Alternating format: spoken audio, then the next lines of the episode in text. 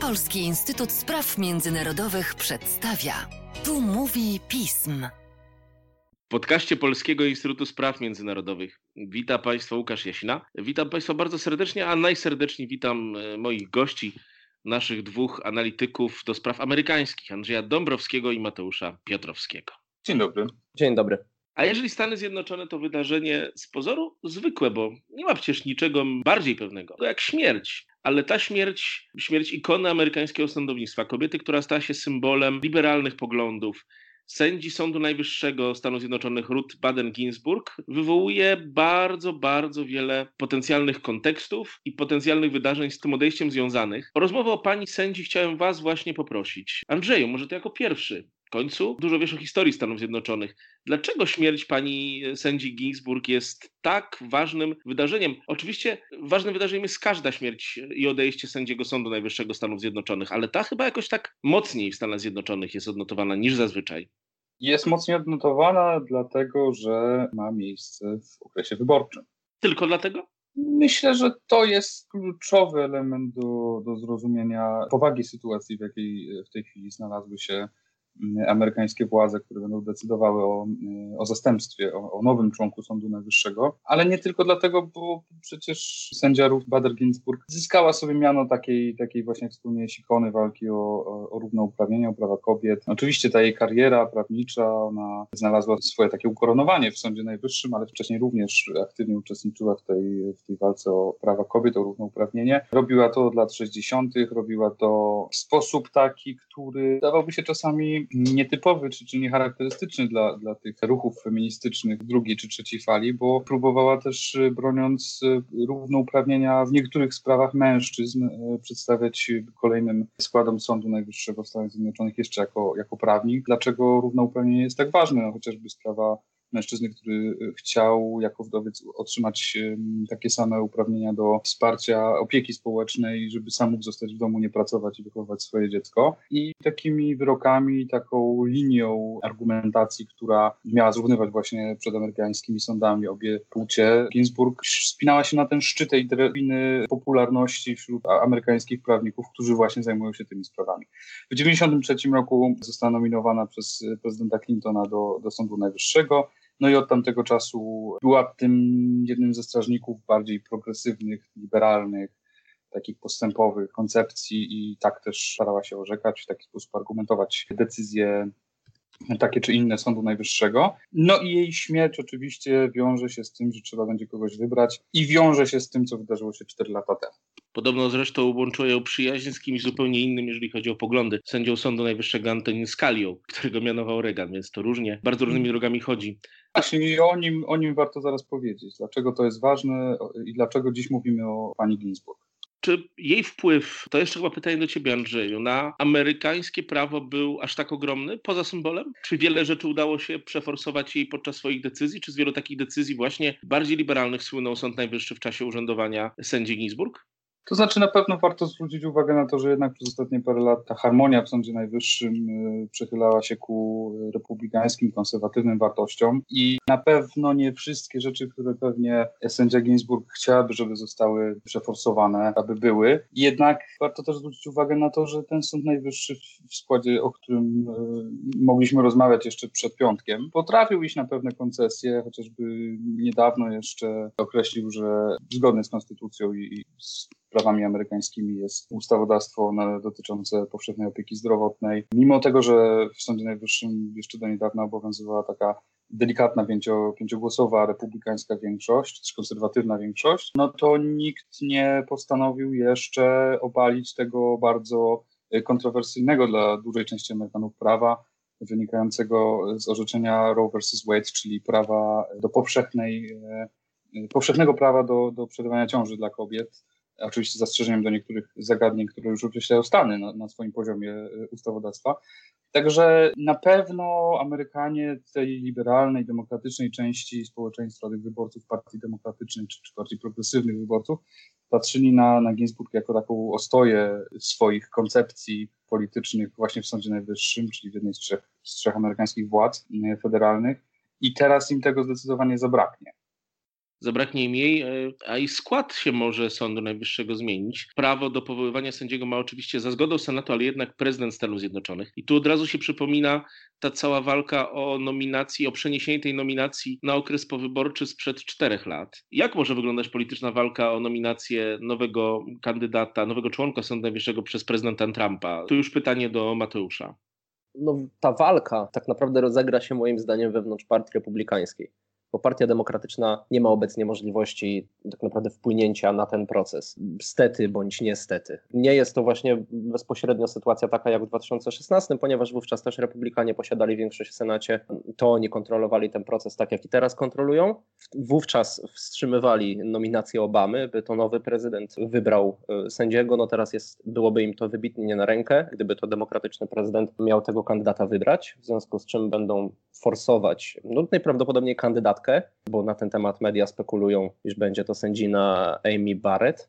Rozpisują się dość szeroko na temat jej kariery i ewentualnej, jak mogłaby wpłynąć na Sąd Najwyższy, jego przyszłe wyroki ewentualne. No niemniej to właśnie wydaje mi się, że ewentualnie senatorowie Partii Republikańskiej, którzy zdecydowaliby się wyłamać i nie iść za tym, by forsować to głosowanie nad nominacją jeszcze przed wyborami, albo nawet przed zaprzysiężeniem nowego prezydenta mogliby tutaj jednak przeszkodzić. Także to będzie wyłącznie w mojej opinii walka wewnętrzna, ale no, niewątpliwie media będą starały się donieść o każdym szczególe dotyczącym tego procesu. Przewodniczący większości, lider większości republikańskiej w Senacie Mitch McConnell rzekomo jest pewien tego, że ta pięćdziesiątka senatorów republikańskich zagłosuje za co wówczas pozwoli na przegłosowanie ewentualnej nominacji, bo wiceprezydent wtedy oddać przełamujący głos ale no, nadal nie ma pewności. Oczywiście nazwisko żadne nie zostało oficjalnie zgłoszone, czy ogłoszone właściwie przez prezydenta, potem dopiero ta nominacja musiałaby wpłynąć do Senatu.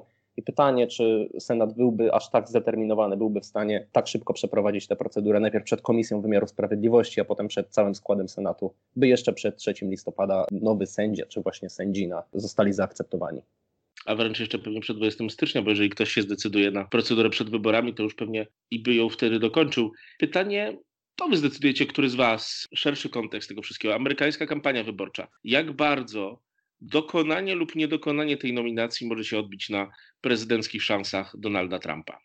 To ja bym sobie pozwolił tutaj odpowiedzieć na swoje pytanie Łukaszu jeszcze wtrącić pewną polemikę, pewną polemikę wobec tego, co mówił Mateusz. Ja się nie do końca zgadzam, że to się odbędzie w ramach Partii Republikańskiej. Myślę, że Republikanie też bardzo mocno zdają sobie z tego sprawę, że ich szanse na utrzymanie większości w Senacie i odbicie Izby Reprezentantów są no, w tym cyklu wyborczym marne. Oczywiście to nie jest przesądzone, jeżeli chodzi o Senat, natomiast jeżeli chodzi o Izbę Reprezentantów, to myślę, że Myślę, że będą mieli zasadniczy problem, żeby odzyskać tą większość. Również nie są pewni, czy Donald Trump uzyska reelekcję. Dlatego przegłosowanie w tym okresie, który sami cztery lata temu nazwali jako taki okres, w którym nie należy przegłosowywać zmiany w składzie Sądu Najwyższego, co teraz jest im bardzo mocno wyciągane przez media, przez przeciwników politycznych z Partii Demokratycznej, jeżeli złamią zasadę, którą samą, sami ustanowili 4 lata temu, dla Partii Demokratycznej, dla, dla przywództwa tego stronnictwa politycznego, to będzie trochę taki sygnał, że właściwie dobrze zdejmujemy rękawice i, e, i wszystko, wszystkie opcje są na stole, jeżeli chodzi o zarządzanie państwem, bo to zamyka jakiś tam już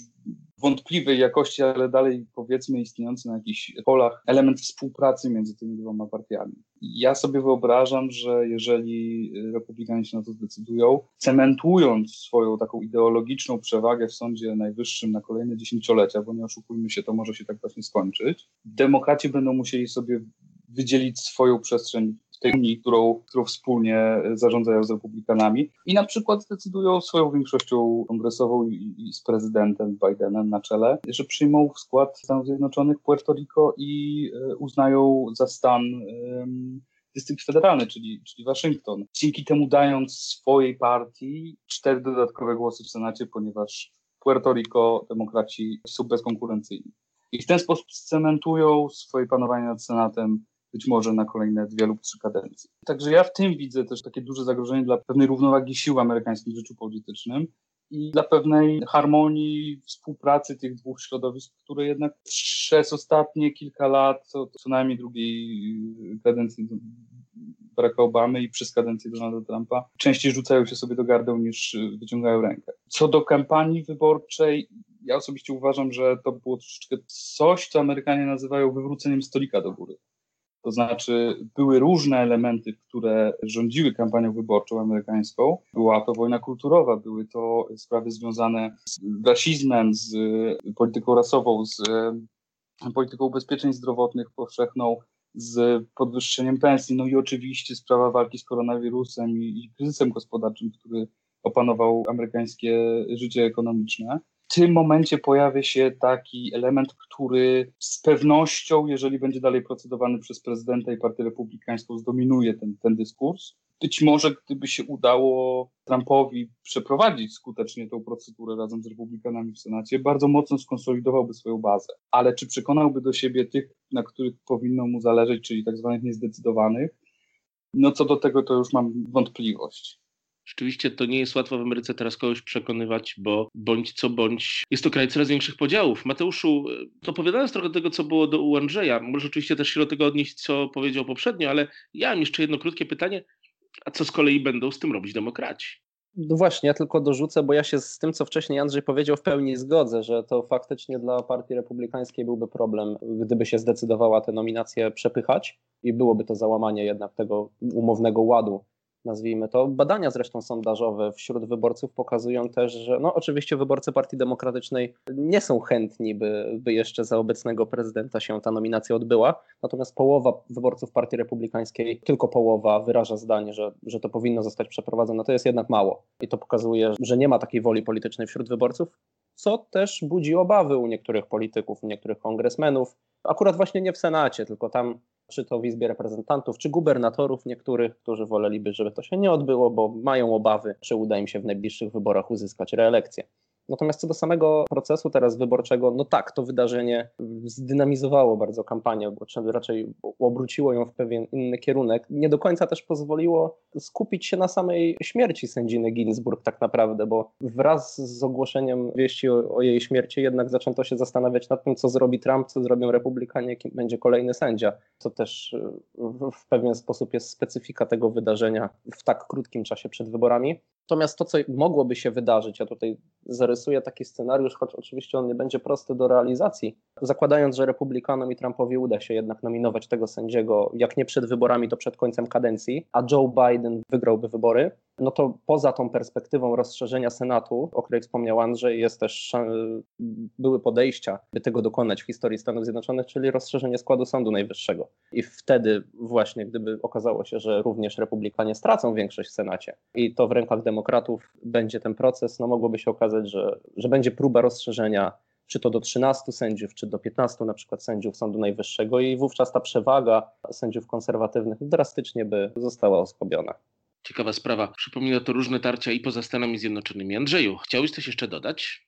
Ja bym chciał tylko dodać, że już Mateusz wspominał o pani sędzi Amy Barrett, wobec której są spekulacje, że to ona właśnie dostanie nominację Donalda Trumpa. I gdyby to się sprawdziło, gdyby udało się republikanom skutecznie przeprowadzić tą, tą operację wprowadzenia jej do składu Sądu Najwyższego, to, to mielibyśmy do czynienia z osobą, która ma bardzo konserwatywne poglądy, ale której nominacja jest sygnałem dla wyborców w Stanach, na których Donaldowi Trumpowi zależy, to znaczy w Illinois, w Indianie, w Wisconsin, skąd, gdzie w tej chwili pani sędzia Barrett orzeka i, i takim wskazaniem Donalda Trumpa, że te Stany, ich miejsce na mapie jest dla niego istotne. Także myślę, że, że Donald Trump osobiście będzie nalegał na to, żeby żeby jeszcze przed wyborami doszło do, do tego procesu nominacji i potwierdzenia, ponieważ będzie to w jego doraźnym interesie politycznym. No cóż, w końcu interes polityczny jest dla polityka najważniejszy. Dziękuję Wam bardzo za podcast, a zwłaszcza za przypomnienie dorobku sędziny Gisburg. Do usłyszenia, panowie. Do usłyszenia. Do usłyszenia. I do usłyszenia Państwu.